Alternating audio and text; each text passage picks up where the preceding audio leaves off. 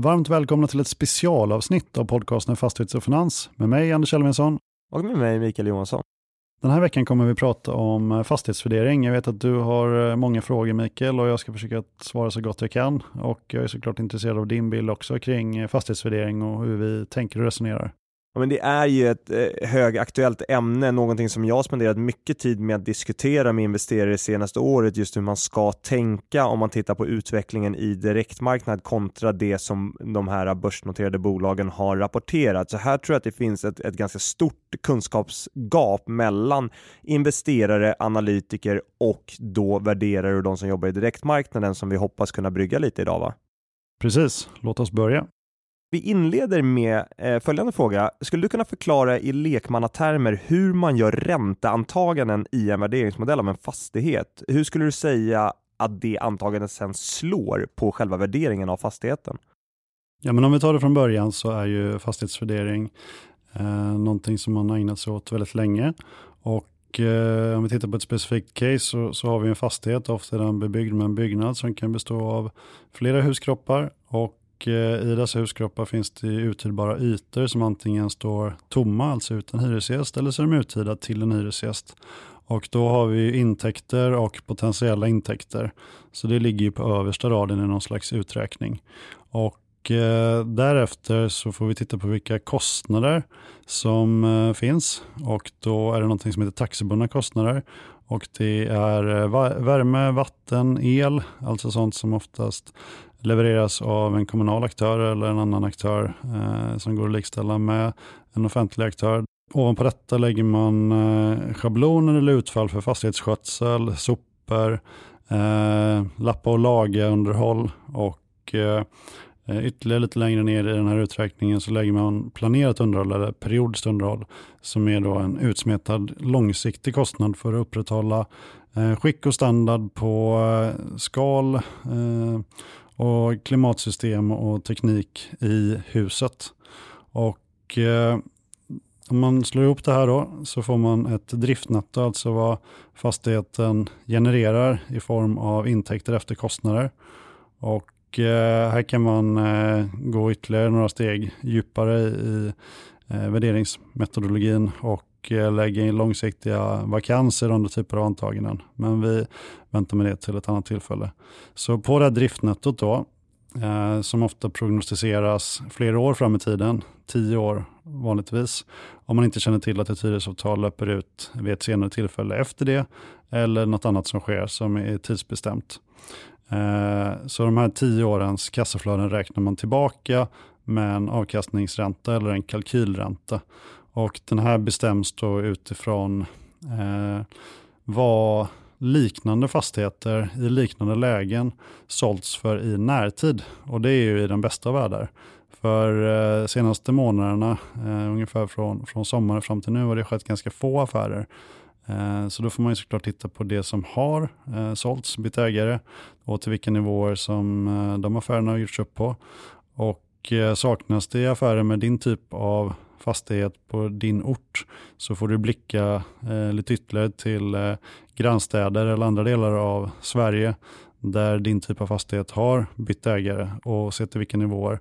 Och har inte ens det skett så får man titta på andra liknande segment där det finns liknande typer av eh, köpare och säljare och eh, analysera betalningsviljan i de affärerna. Och eh, vi har även vidgat blicken ytterligare lite och, och tittat på Ehm, kreditsidan, eh, hur bankerna resonerar, eh, hur uppdragsgivare som är på köpsidan och säljsidan resonerar, eh, indikationer från vårt capital markets team för att då förstå vad betalningsviljan är för en viss typ av fastighet i en viss typ av läge och därigenom spegla marknadssentimentet och en investerares betalningsvilja.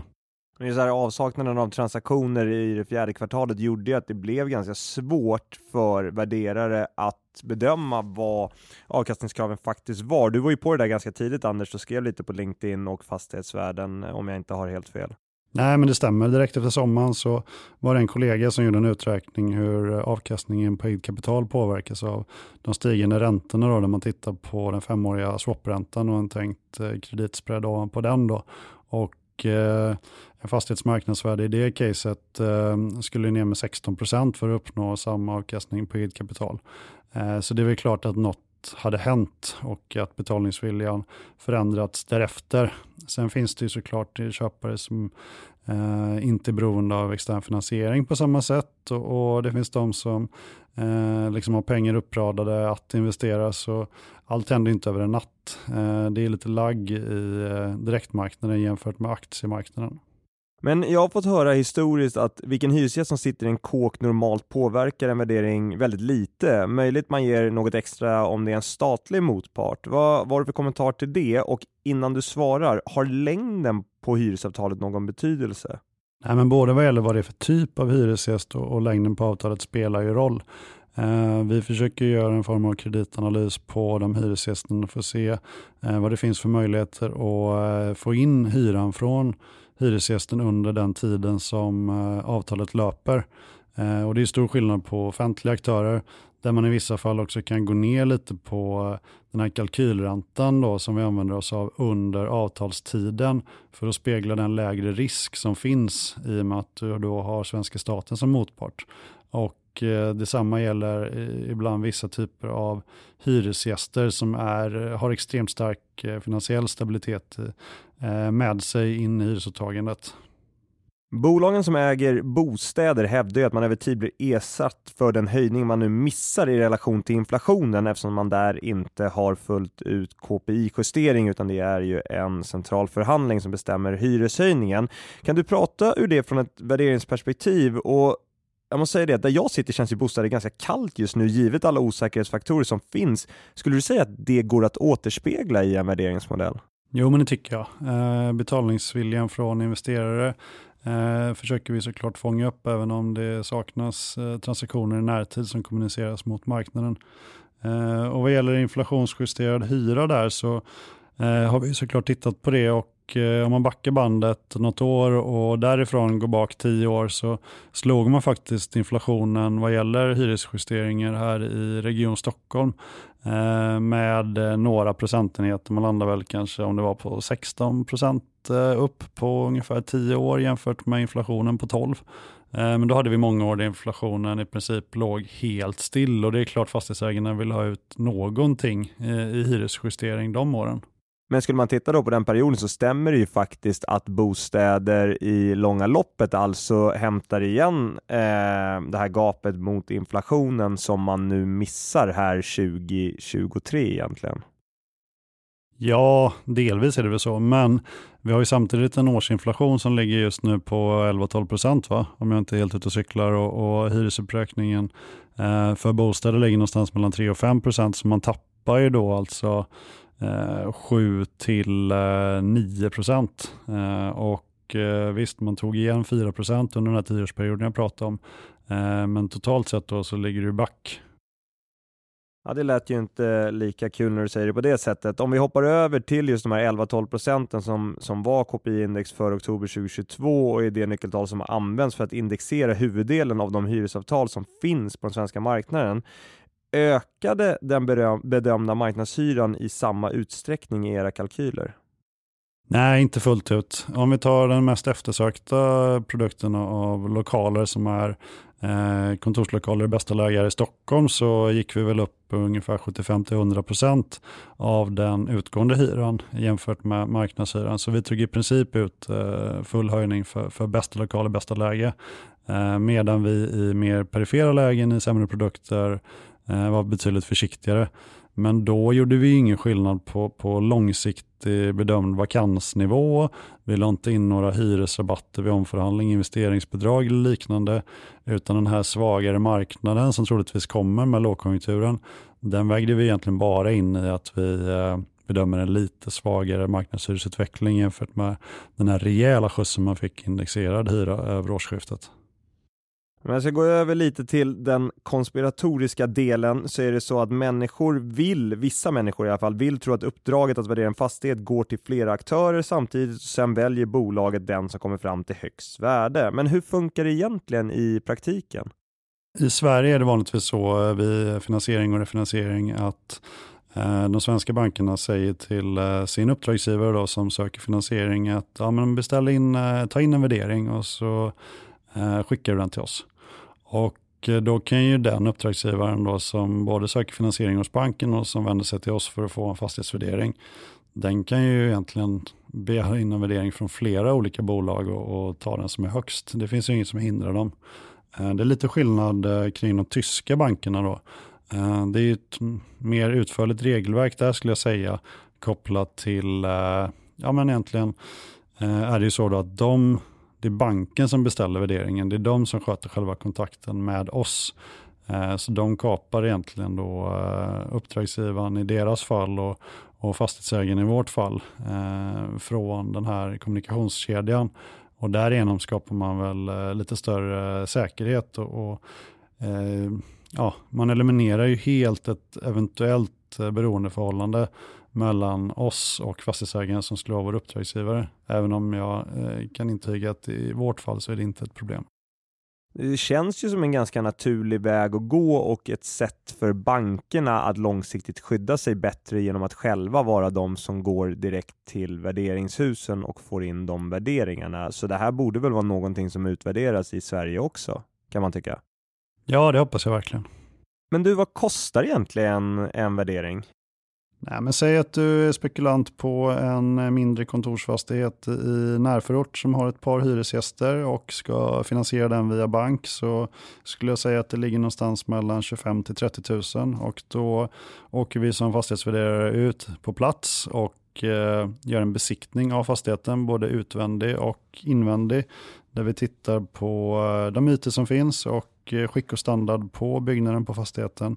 Och sen går vi tillbaka till eh, skrivbordet och skriver upp en rapport där vi redogör för jämförbara försäljningar, beskriver marknaden, beskriver vår metod, eh, levererar ett kassaflöde, en hyresgästlista och så vidare.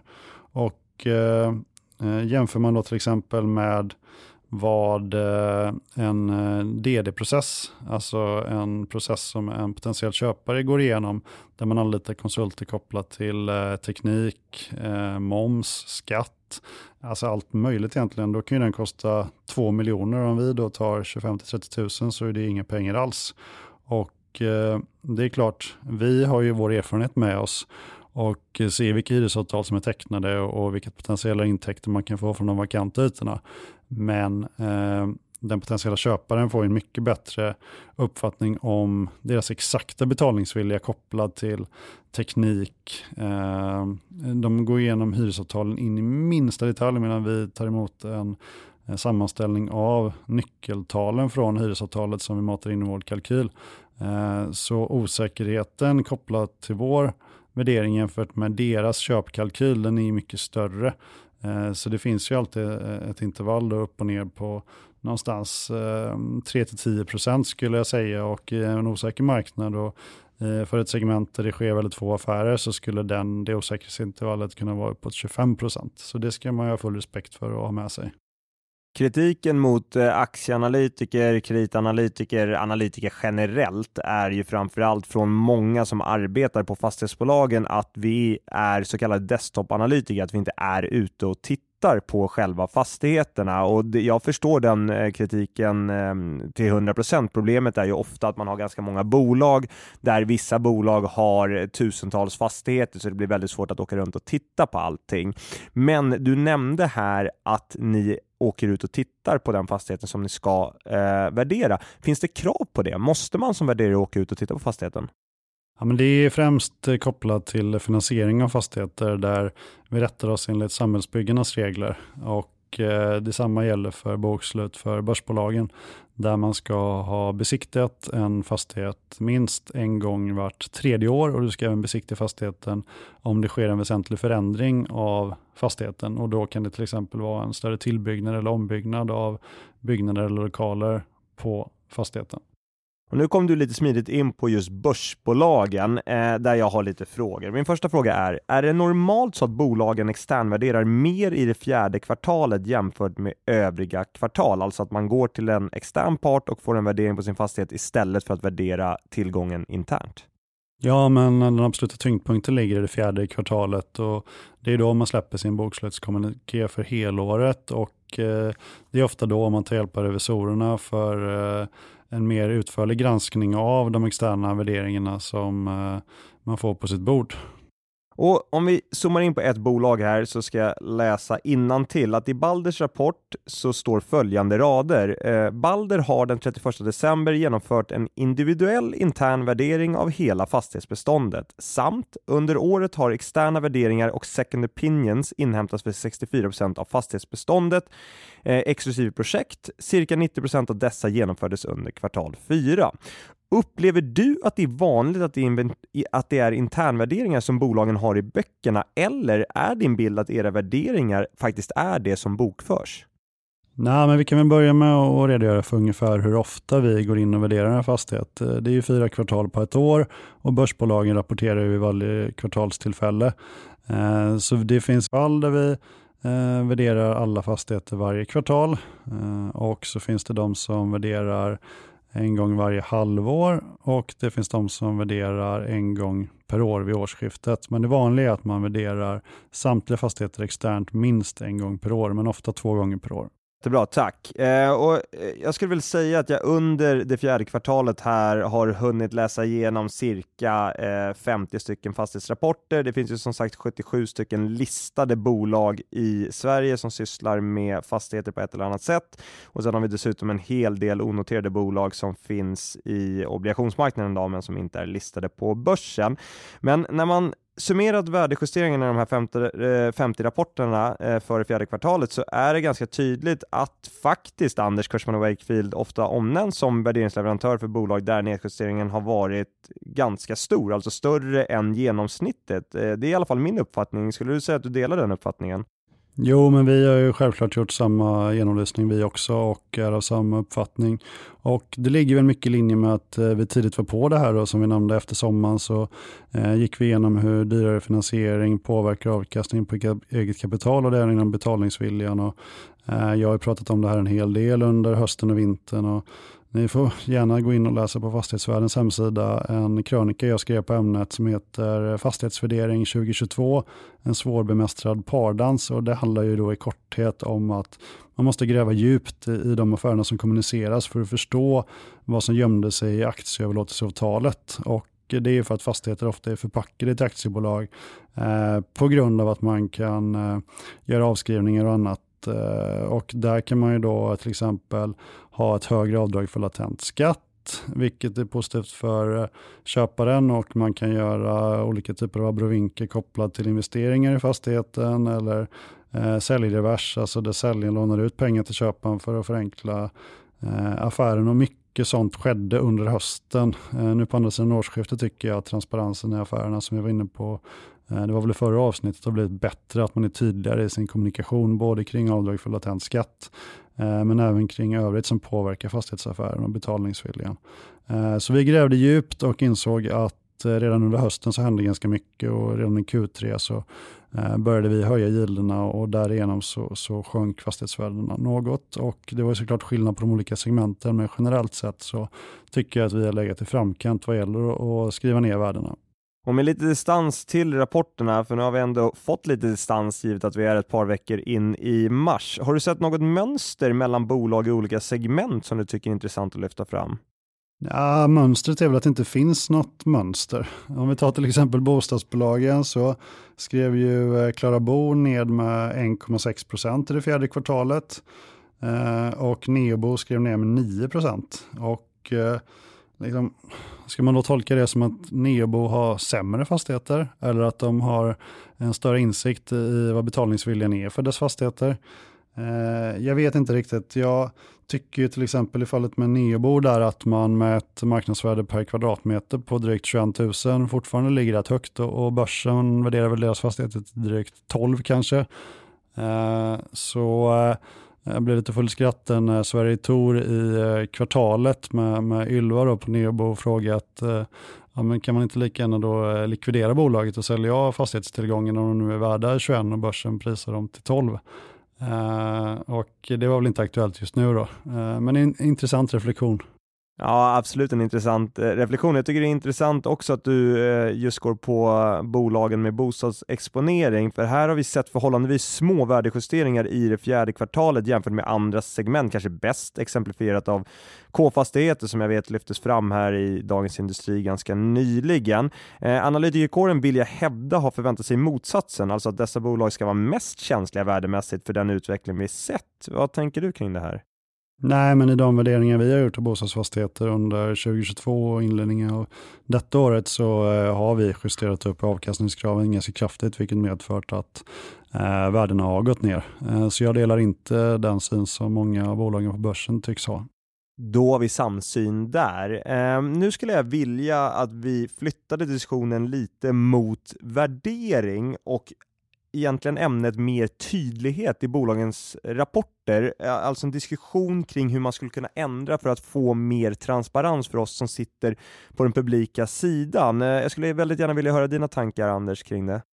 Ja, självklart. Det här är intressant att höra vad du tänker och tycker också för önskemål för att få mer transparens och att det ska bli lättare att analysera saker och ting. Men jag kan ju tycka att det är lite märkligt då att IFRS tillåter bolagen att själva värdera fastigheterna internt till verkligt värde.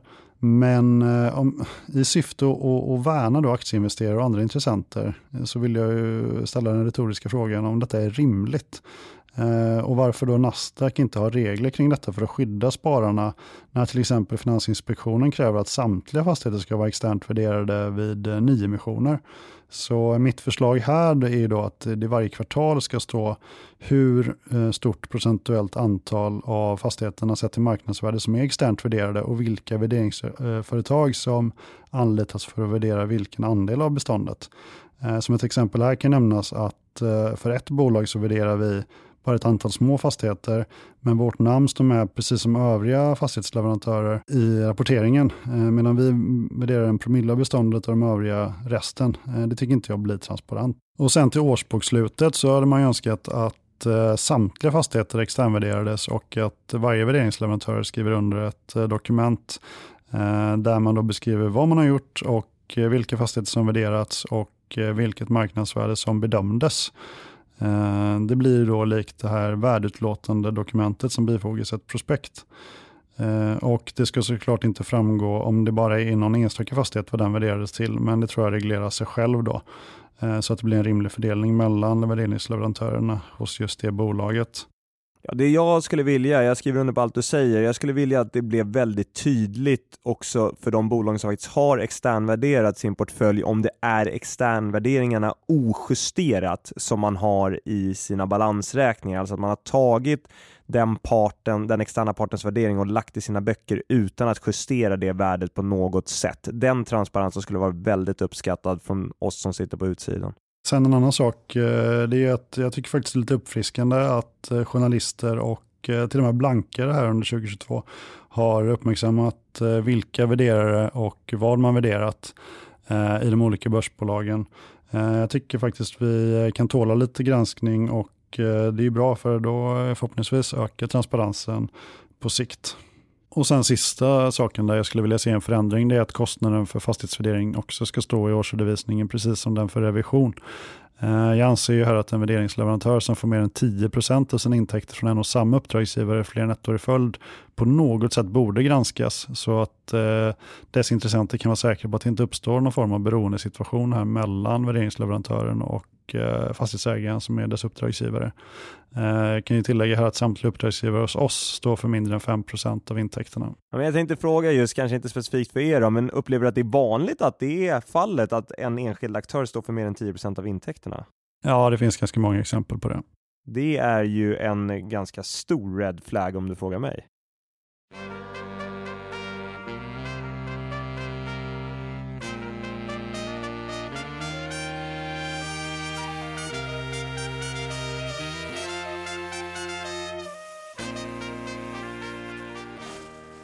Jag hoppas att ni uppskattat detta specialavsnitt och lärt er något nytt om fastighetsvärdering och Eh, hur fastighetsvärderingarna hamnar i böckerna och då relaterat till eh, aktiekurserna. Och på tal om det, om ni är intresserade av att veta hur eh, aktiekurserna rör sig i förhållande till substansvärde så kan jag rekommendera er att gå in på Fastighetsvärdens hemsida och under fliken analys och fakta så hittar ni någonting som heter premie och rabatt. Och här finns alla noterade bolag och och dess senaste aktiekurs, hur det rört sig senaste tiden och hur de då handlas eh, sett till senaste rapporterade substansvärdet. Så det kan vi rekommendera och detta levereras i samarbete med CDS. Och eh, under analys och fakta på Fastighetsvärdens hemsida så finner ni även flera intressanta topplistor såsom de största uthyrningarna som skett under det senaste året och även de största affärerna. Med det sagt, tack till er som lyssnat och tack till vår samarbetspartner Fastighetsvärden.